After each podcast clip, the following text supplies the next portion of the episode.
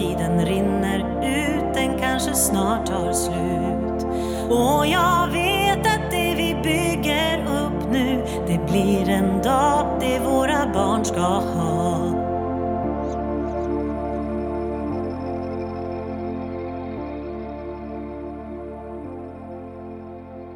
Åh, vad jag tycker om den låten. Och jag vet att det vi bygger upp nu, det blir en dag det våra barn ska ha. Och det är dagens tema. Att se till att så många som möjligt får röra på sig, träna för att rädda sin hjärna. Och det är ju jättespännande, någonting som jag är väldigt, väldigt intresserad utav. Men för att backa bandet och prata lite om förra avsnittet där fantastiska 14-åriga Isak Persson pratade om hur han satt och tittade på en välgörenhetsgala och bestämde sig för att jag vill vara med och bidra och hjälpa människor. Så varje lördag morgon går han upp och eh, delar ut frallor och på så sätt så skänker han pengar till olika välgörenheter, nu senast till Ukraina. Och jag tänker eh, på det avsnittet så tänker jag att eh, hoppas Isak inspirerade många ungdomar ute i vårt land att fortsätta göra gott för andra människor. Och på så sätt så bidrar vi till en lite bättre värld att leva i. Och här framför mig har jag två fantastiska kvinnor. Två fantastiska systrar som jag tycker väldigt, väldigt mycket om. Som inspirerar flera, flera hundratals människor varje vecka genom sin träning. Och jag ska fördjupa mig innan jag presenterar de här två kvinnorna. Så ska jag ge ett lite, en liten introduktion, en bakgrund på hur viktigt det här ämnet, dagens ämne, är. Jag har i, egentligen i hela mitt yrkesverksamma liv jobbat inom idrotten. Och idrotten är ju viktig på många olika sätt. En sak är ju att, att lära sig att utvecklas, att prestera, att vinna. Fast kanske en av de absolut viktigaste uppgifterna idrotten har, det är att människor får lov att röra på sig. Människor får vänner för livet. Människor får vara i samklang med andra människor, får lära sig att vinna, förlora, får lära sig det sociala samspelet och förhoppningsvis genom idrotten får man positiva upplevelser från sin barndom. Det handlar inte om hela tiden att ta medaljer. Och därför när jag flyttade till Ulricehamn för 13 år sedan så kom jag i kontakt med dagens gäster, Linda och Lisa. De ska alldeles strax få presentera sig själva. Fast också i mitt yrke kom jag i kontakt med en man som är välkänd i vårt land. Nämligen överläkare på Karolinska institutet som heter Anders Hansen. Och han har ju blivit, som jag är väldigt glad över, känd i Sverige för bland annat sin bok som jag håller framför mig, som heter Hjärnstark. Hur motion och träning stärker din hjärna. Där han skriver det viktigaste du kan göra för din hjärna, det är att röra på dig. Och så fortsätter han. Vill du bli stresstålig? må bättre, förbättra ditt minne och bli mer kreativ och intelligent? Ja, se då till att röra på dig. För den moderna hjärnforskningen visar att motion och träning får fullständigt ofattbara effekter på hjärnan. Hjärnan det organ som påverkas allra mest av att röra på oss. Och här har vi då två experter på att röra på sig. Välkommen Linda Och du heter i efternamn? Reneby. Linda Reneby. Och Lisa Wallin. Wallin. Välkomna till poddavsnittet. Jag ser så mycket fram att få lära utav er och intervjua er. Vilka är ni? Vem ska börja utav er? Det får väl jag göra, jag som är Mm, äldst. gamla då. äldst, eller så här. Linda eh, Reneby heter jag och är den äldre systern. Eh, och har drivit Lindas träningscenter i 15 år ungefär nu. Eh, innan dess så har jag spelat handboll på elitnivå under 10 år. Nu börjar man ju komma upp lite i åldern, så att det var ganska länge sedan. Men meriten finns ju där bak någonstans. Härligt! Ja, vi är ju från Ulricehamn, uppvuxna där. Sen har jag flyttat på grund av idrotten då, så att jag har bott i Skara och i Sävsjö och spelat, vunnit ett eh, SM-guld med Sävsjö under deras storhetstid. Spelat i landslaget, spelat i ett VM. Det var det leende landslaget. Det var väl första gången som eh, damlandslaget fick uppmärksamhet i media. Det blev väldigt mycket större än vad vi trodde då. Sen har det ju rullat på och nu är ju handbollen välkänd för gemene man i Sverige. Liksom Absolut. damhandbollen. Så. Mm. Eh, sen så är jag utbildad socionom, har alltid gillat och velat jobba med människor på olika sätt. Särskilt ungdomar och människor som har det svårt. Eh, jobbade där ett tag, men när jag fick chansen att eh, ta över ett befintligt träningscenter här så kände jag att det måste jag ju göra. Det ligger ju något i att idrotten har gett mig så otroligt mycket. Och träningen och inte bara eh, SM-guld och VM och de här, det man har presterat utan framför allt gemenskapen och eh, det roliga. Det har ju varit ett sätt för mig att umgås helt enkelt och det vill man ju inte tappa när man slutar med idrotten. Så därför började jag ju träna på ett eh, träningscenter istället. Eh, och sen så drev jag det vidare tänker att det räcker så så länge. Kan Lisa få ta över? Men vad härligt, jag blir inspirerad när jag lyssnar på dig. Så du har varit med i VM, det är SM och det är elitnivå och fortsatt på den vägen. Imponerande. Där hälsa är ju eh, extremt viktigt och idrotten är så mycket mer än bara medaljer. Vi Verkligen. återkommer till det. Mm. Lilla syster Lisa, Ja, jag är ju lite yngre då. Det skiljer några år på oss. Ehm, jag kom väl in i Lindas träningscenter för ganska exakt tio år sedan. eh, Fullt ut. Innan dess så har ju precis som Lindas eh, liv kretsat mycket kring idrott, rörelse. Eh, jag f- satsade fullt ut på fotbollen från 16 års ålder ungefär. Och eh, har spelat i allsvenskan eh, ett flertal år i gamla söderettan då, som Dalsjöfors låg i på den tiden. Och eh, sen så efter många om och men, om man har varit uppe och provat, så lockade även en utbildning väldigt mycket. Jag pluggade lite beteendevetenskap i Linköping och fick mer smak när jag spelade fotboll där.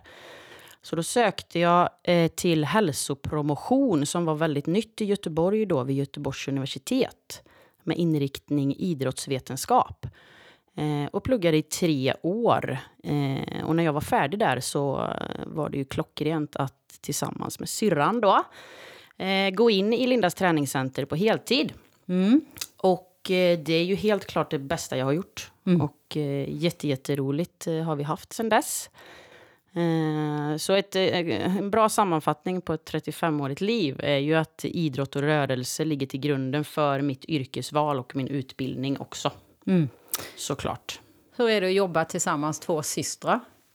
Ni, varje gång jag träffar er så är ni så fantastiskt glada och snälla mot varandra och också lite busiga. Hur är det att jobba tillsammans? Ja men alltså det är ju jätteroligt och få förunnat tänker Ja, jag. Att få absolut. driva ett företag ihop. Ja. Eh, nu har jag ju varit anställd i många år av Linda och så fick jag gå in som en liten, liten delägare nu sen eh, två år tillbaka ungefär. Härligt. Eh, blev ingen skillnad egentligen utan jag har ju alltid haft hjärtat där ändå. Ja. Ehm, men vi kommer väldigt bra överens. Sen om det är för att det skiljer så många år på oss. Vi har ju inte riktigt den här barndomen ihop. Nej. Eh, när jag var liten, jag kände ju mig nästan lite som ett ensambarn för man har två äldre systrar som eh, har varit 13 och 15 år äldre. Så de var ju ute på tonårsgalej när jag var pytteliten. Jag, jag tror ju att det har gjort eh, sitt, att det funkar bra. Att man inte, vi har aldrig gått och trätt på alltså, syskonträtt sådär. Sen Nej. är vi ju väldigt lika i grunden i våra värderingar och våra ta, vårat tankesätt. Kanske lite för lika ibland för att det ska vara riktigt bra när man driver ett företag. Men det är ändå en trygghet att ha någon som, som har samma värderingar och samma tänk i botten. Sen Ja. har vi ju kommit på att att jag är ju mer den här igångsättaren som vill ha så här medan Lisa då är den så här nej lugn nu, nu gör vi färdigt det här först så tar vi det sen. Så jag är en starter har vi ju kommit på. Och Lisa bromsar tänkare, lite ja, sådär. precis. så att det, där kompletterar vi ju varandra bra också. Ja, det är härligt. Och jag är jättenyfiken. Jag har ju egna funderingar eh, på vikten av träning. Jag går ju själv upp, som jag har berättat för lyssnare tidigare, varje morgon och tränar en ja, 10-20 minuter och tycker att utan det så fungerar inte min hjärna. Och det blir liksom en, eh, en kick och när jag har gjort det så tänker jag mycket, mycket mer skärpt. Och jag vet ju att ni har idag två träningsanläggningar. Ni har många tankar och en enorm kompetens på träning och vad det gör för både knoppen och kroppen. Och hur träningsformer har utvecklats över tid. Berätta gärna om hur, hur, hur har träningen förändrats och vad är era tankar idag? Eh, vad är viktigt? Har ni olika inriktningar på era olika anläggningar Och eh, rent generellt, för det som vi tar upp, det här ämnet vi tar upp idag behöver ju spridas ut i hela Sverige. Ja, och från början när Linda tog över det för 15 år sedan, då var det ju ett klassiskt gym du tog över. Eh, sen dess har ju vi, eh, och sen jag kom in på heltid också, sen tio år tillbaka, så har vi ju ganska tidigt velat mer. Vi vill hela tiden utvecklas och eh, ibland har man ju fått lugna sig, för det ska ju också vara, vara någonting bra och någonting rätt. Men det var väl där för tio år sedan det började ordentligt med vårt tänk med den här helhetssynen. Just det, till skillnad från... Det klassiska gymträningen Ja. som eh, ligger du vet, från 80-talet, 90-talet och, och in i 00-talet där. Eh, nu har vi ju kommit en jättelång och bra bit på vägen till att skapa den här helhetssynen att eh, för många räcker det inte bara att börja träna. Jag måste ju få, en, få livet att funka, jag måste få en helhet, jag måste eh, veta hur jag också slappnar av. Jätte, jätteviktigt för att hitta kombinationen. Eh, att det inte behöver handla om att räkna kalorier när du äter, men du måste ge kroppen energi så att den orkar en arbetsdag. Och sen komma hem till familj och vad man nu mer vill göra. Eh, för att få ihop det. Och det är inte så givet att det är så enkelt. Nej. Vi är ju i en bransch som vi inte gillar egentligen. Det här med att det är väldigt mycket Eh, förknippat med utseendeträning, att man ska träna för att se ut på ett visst sätt. Och särskilt idag med alla Instagram och TikTok och allt vad det är. Liksom. Det vi har känt är väl att man, oavsett om man är inne på... Nu vurmar ju vi mycket för gruppträning eftersom vi kommer från lagidrotter och sådär. Men även om man gillar att träna själv, att man ska komma till våra ställen och känna en gemenskap och eh, ha det trevligt, att det blir något mer än bara själva träningen träningspasset du gör. Och det har vi ju sett under åren. Det är fantastiskt att se alla som hittar nya vänner och kanske vänner som man inte hade hittat annars. Liksom. Eh, och det är väl det vi mycket vill förmedla från i våran känsla i idrotten, gemenskapen, att det är ett sätt att umgås på. Och att det kan det vara även om man bortser från idrottsgrejen, för idrotten passar ju inte alla. Eh, många ungdomar trillar bort från idrotten tidigt och att man kan hitta en form av gemenskap som är mer prestigelös än kanske idrotten är och ändå hitta glädjen i träningen. Och det gör man hos oss. Vi leker träning. Vi leker träning. Eh, att vi liksom vill behålla den här lekfullheten som idrotten har gett oss från början när man var liten. Men att du faktiskt faktiskt som vuxen kan gå in och skratta, slänga lite ord. Du behöver inte köra skiten ur dig Nej. för att träna och må bra. Det är Nej. ju faktiskt inte det man ska göra. Nej. Man ska må bra på så många sätt. Ja. Och det ska ju vara en form av upplevelse att träna. Du ska känna att du har tränat men du har också kommer därifrån för att det har varit trevligt och du har träffat dem du brukar och tjena tjena och den här eh, biten. Och jag tycker så mycket om eh, när, de gångerna jag har besökt och, och tränat eh, husse jag tillsammans med att eh, det är alltid från ungdomar till vuxna till pensionärer som eh, kämpar tillsammans. I annat fall kan man ju tro att det har, precis som du sa Linda, en utseendefixering. Fast här handlar det om att ha rörelseglädje och, och må bra tillsammans. Eh, Berätta gärna om hur ni jobbar med de olika... Alltså för mig, jag tänker att, att, att umgås över generationer är nog den finaste gåva man kan ge någon annan. Och jag tycker att var, varje gång jag har varit hos er har jag slått av den glädjen. Här har vi som sagt eh, ungdomar, det är vuxna, det är pensionärer. Hur har ni resonerat där? Jag vet, alltså naturligt så kom det ju för tio år sedan när vi öppnade på Boråsvägen, alltså vi flyttade till större lokaler där helt enkelt. Och då, jag vet inte hur det är det, men då märkte vi när vi hade öppet hus där, att det kom väldigt många äldre, många seniorer som hade frågor kring träning. Eh, och då var det ju så här, ingen tvekan, men vi måste ju starta upp en seniorträning. Eh, så från Från det så kom ju den idén och den gruppen har ju växt något otroligt. Idag är vi ju så många så vi, ja, vi, vi- har, det, det är ju angenäma problem men vi får dela upp dem och vi får liksom träna dem love it. flera gånger, flera timmar, flera Aha. gånger i veckan och det är helt underbart. Ja. Eh, och det var ju någonting som vi inte hade innan på det sättet. Så det Nej. har ju gjort att vi verkligen har det här stora spannet nu. Ja. Från 80 ner till 15. Och från den gruppen, den är ju väldigt tacksam att jobba Ja. med och man får ju väldigt mycket tillbaka från hur viktigt det har blivit i deras liv att ha det här. De, när pandemin kom och man inte kunde träna på samma sätt så, så höll de ju på att börja gråta en del. Det förstörde deras eh, vecka, deras liv. Att kan jag inte gå hit? Så de har ju hittat vänner för livet som också umgås med utanför och så här. Så det är fantastiskt att se. Och den känslan får ju man i andra grupper också där det är mer blandade åldrar. Ja. Eh, vi känner ju att vi har hittat det mycket. Vi gör ju många pass själva i gruppträningen. Funktionell träning där vi får in den här lekfullheten där alla kan vara med för att man jobbar i sitt egna tempo. Det är inte taktstyrt och den här biten. Och det gör ju också att det är 16-åringar med och det är 50-plussare med på samma, samma pass. Och det gör ju också någonting för stämningen. Alltså hela känslan på stället och på träningen. Och det blir mer avslappnat och prestigelöst på något sätt. Ja, och mycket skratt och, Ja. och härligt humör. Ja. Alltså det är fantastiskt att komma in när vi har eh, grupper på det sättet och gå in i den miljön så blir man ju bara glad. Ja, tillstånd eh, smittar. Ja. Och det är ju ni två fantastiska med, för det, ju, det bidrar ju till hela gruppen. Jag, jag tänker så här att eh, ni pratade om eh, tidigare när det var mer gym, tills idag, du nämnde nu Linda, funktionell träning. Vad är skillnaden? Det klassiska, traditionella, när, när jag kom in i gymvärlden, jag hade ju inte varit där så mycket mer än att styrketränat när man var idrottare. När jag kom in i själva gymvärlden, när jag la av där då, då är det ju antingen maskinträning, Ja. gymträning och med lite hantlar, eller så var det ju en gruppträning där allt var taktstyrt. Du står i en sal med en ledare framför och det är väldigt många som uppskattar det idag också, så jag säger inte att det är fel att träna Nej. på det viset. Men då var det det enda som fanns, Mm. eh, att du följer en ledare.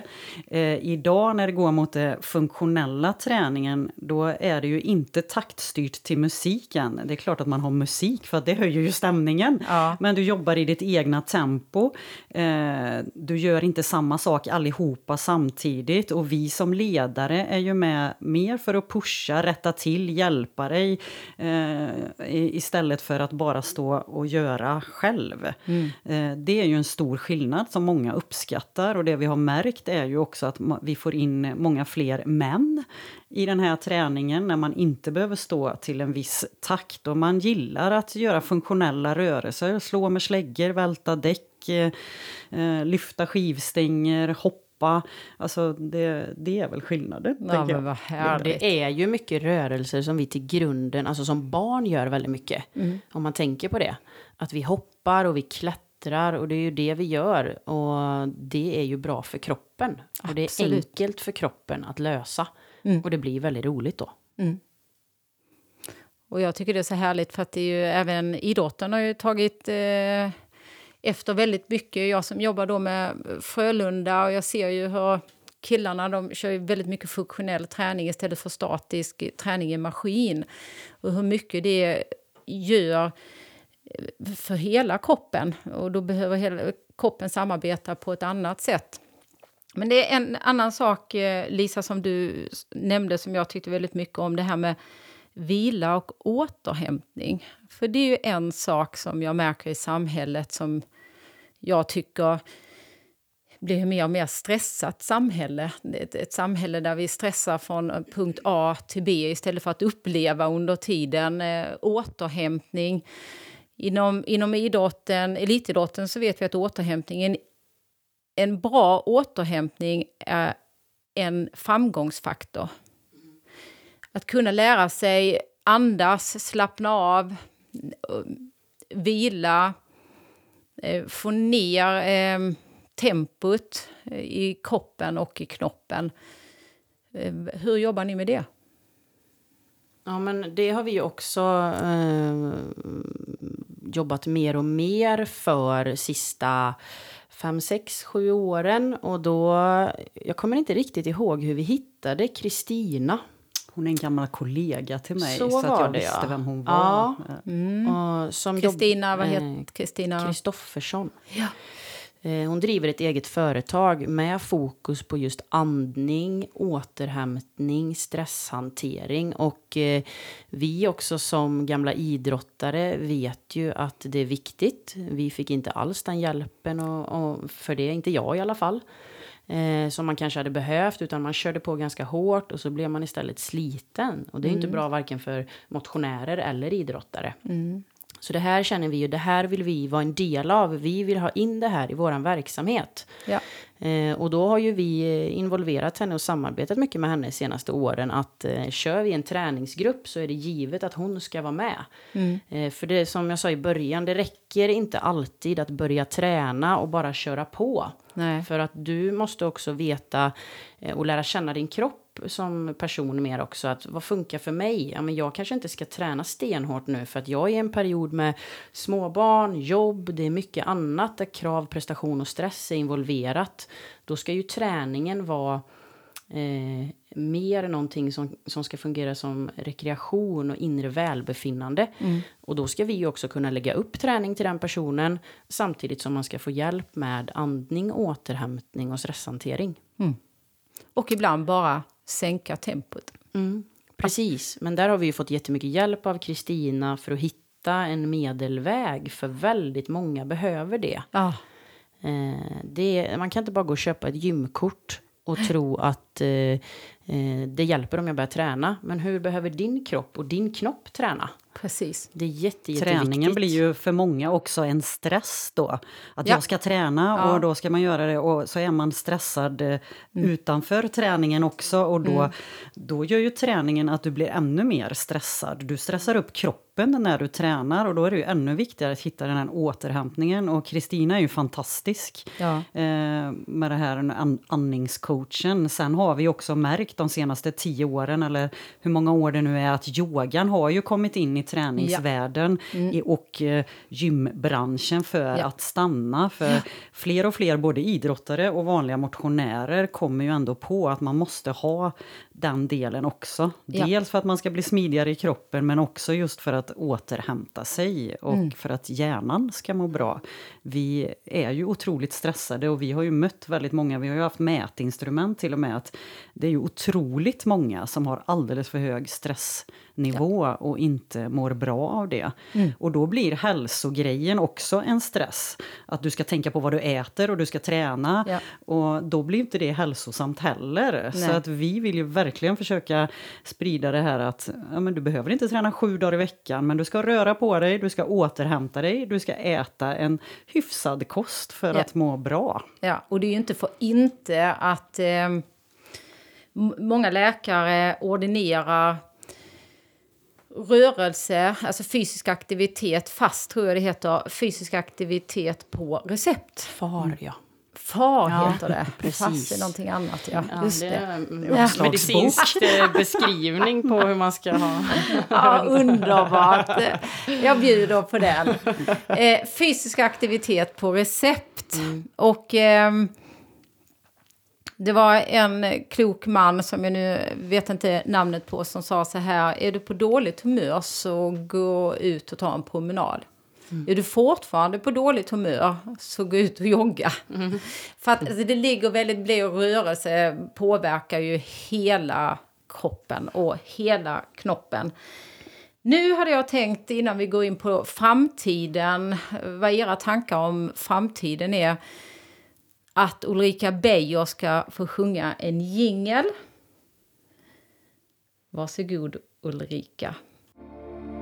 Jag vill så gärna ha en tro på framtiden,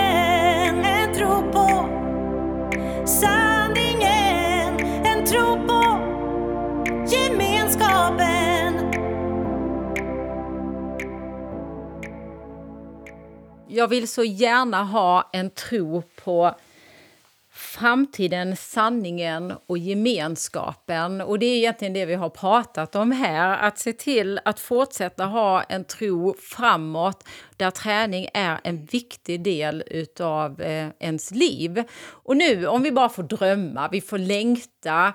Hur önskar ni, ni som är i branschen och varit i branschen länge, ni är specialister inom era områden. Vad tänker ni i den bästa av världar? Vad vill ni skicka med er till människor gällande träning och framtiden? Det jag tänker på som jag vill skicka med det är att alltså, träning, rörelse och fysisk aktivitet och allt det som hör till det här som vi har pratat om eh, inte behöver, eller egentligen ska, jag vill trycka lite på det, handla om krav och prestation. För det ser vi och det vill jag liksom fortsätta och tänka att vi kan jobba ifrån mycket. Jag och Linda, där, där vi är i alla fall. Sen kanske Ja. inte vi förändrar världen. Men det kan vi jobba, att man jobbar med och för att det ska, det ska vara välbefinnande, det ska vara roligt. Alltså det kan låta klyschigt och banalt, men det kan väl få vara det. Ja, absolut. Man hör ju många som säger att jag måste ju träna först innan jag går till ett träningscenter eller ett gym. Det, ska ju vara, det är välkomnande, du ska göra träningen till den egen, det är din egen. Det är helt okej att träna en eller två gånger i veckan, men Ja. rörelsen är ju så viktig och tränar du en gång i veckan så kommer du komma på hur mycket det ger dig och vilja göra det någon mer gång för att det är både den sociala biten, eh, du kommer in i ett sammanhang och framför allt så känner vi ju att vi nu vill ha igång många ungdomar som har slutat. Pandemin har ju ställt till det väldigt för vårt välmående och våran hälsa. Och där har vi ju något som vi kan drömma om att vi kan göra något här i Ulricehamn, att få ungdomar in i en, en träningsvana som är glädje och inte prestation som Lisa har sagt. Det finns en plats för alla liksom. Ja, och med det sin behöver träning. inte vara kravfyllt, utan det ska vara ett pass kanske man faktiskt har gjort tillsammans med en kompis. Testa att gå tillsammans med en kompis och träna. Ja. Eh, och visst, den en gång kanske vi inte får så mycket träning gjort, för det är väldigt mycket att prata om. Skitkul. Men man går därifrån utan att hela tiden värdera. "Ah, Det där var bra idag, det där gjorde jag dåligt, det där kan jag göra bättre. Alltså bort med det. Gå, gör, ha kul och sen så kan man bara känna att eh, det här var en rolig timme. Ja. Gud, ses nästa vecka. Ja. Alltså, göra det lite enklare. Ja. Det vill jag och vi vill få fler att hitta det. I love it. Och jag, jag tänker så här, eh, eh, Linda, du har berättat om du hade en, en som kom på ett pass med sin mormor eller? Det ja, var... just det. Ja. ja.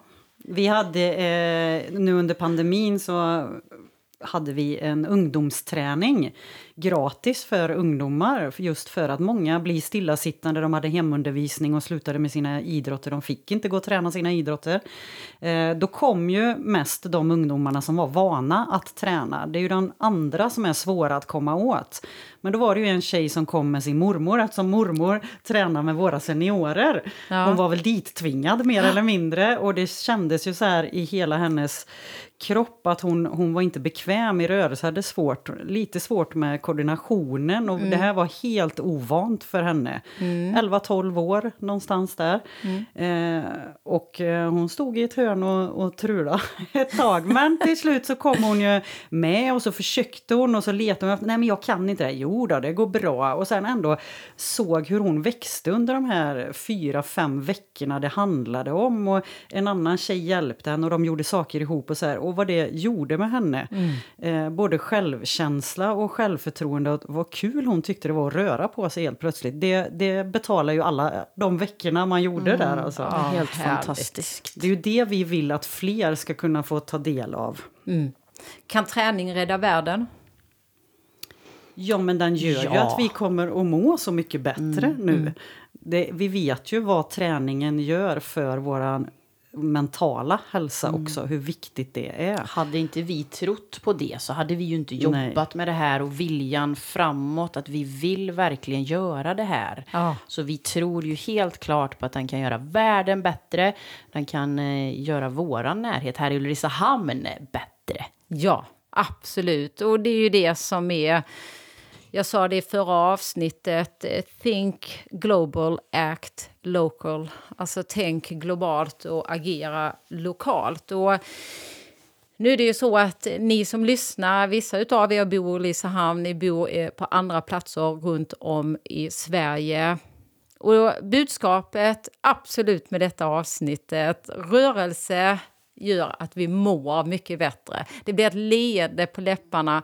Vi kan få vänner för livet, en gemenskap, göra det lätt, göra det till gemenskap, göra det till eh, en del utav vardagen. För det är eh, så berikande och mår jag mycket bättre inom mig själv så sprider jag så mycket mer energi till andra och på så sätt bidrar vi till en lite bättre värld att leva i genom att ta hand om oss själva och sprida det vidare. Tusen tack eh, Linda och Lisa för att ni har valt att vara med. Ni är inspiratörer, ni är fantastiska människor i det som ni har skapat och det ni gör nu och det ni kommer att fortsätta bidra med i Ulricehamn och runt om i vårt land. Och ni som nu lyssna. En del bor ju i Ulricehamn och andra runt om i Sverige. Fortsätt ta hand om er själva så att ni mår bra. Och det gör att vi presterar mycket bättre och tillsammans kan vi alla bidra till en lite bättre värld att leva i. Allt gott till er. Väl mött i nästa avsnitt. Tack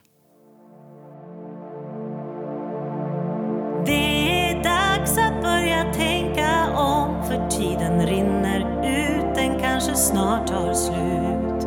Och jag vet att det vi bygger upp nu, det blir en dag det våra barn ska ha.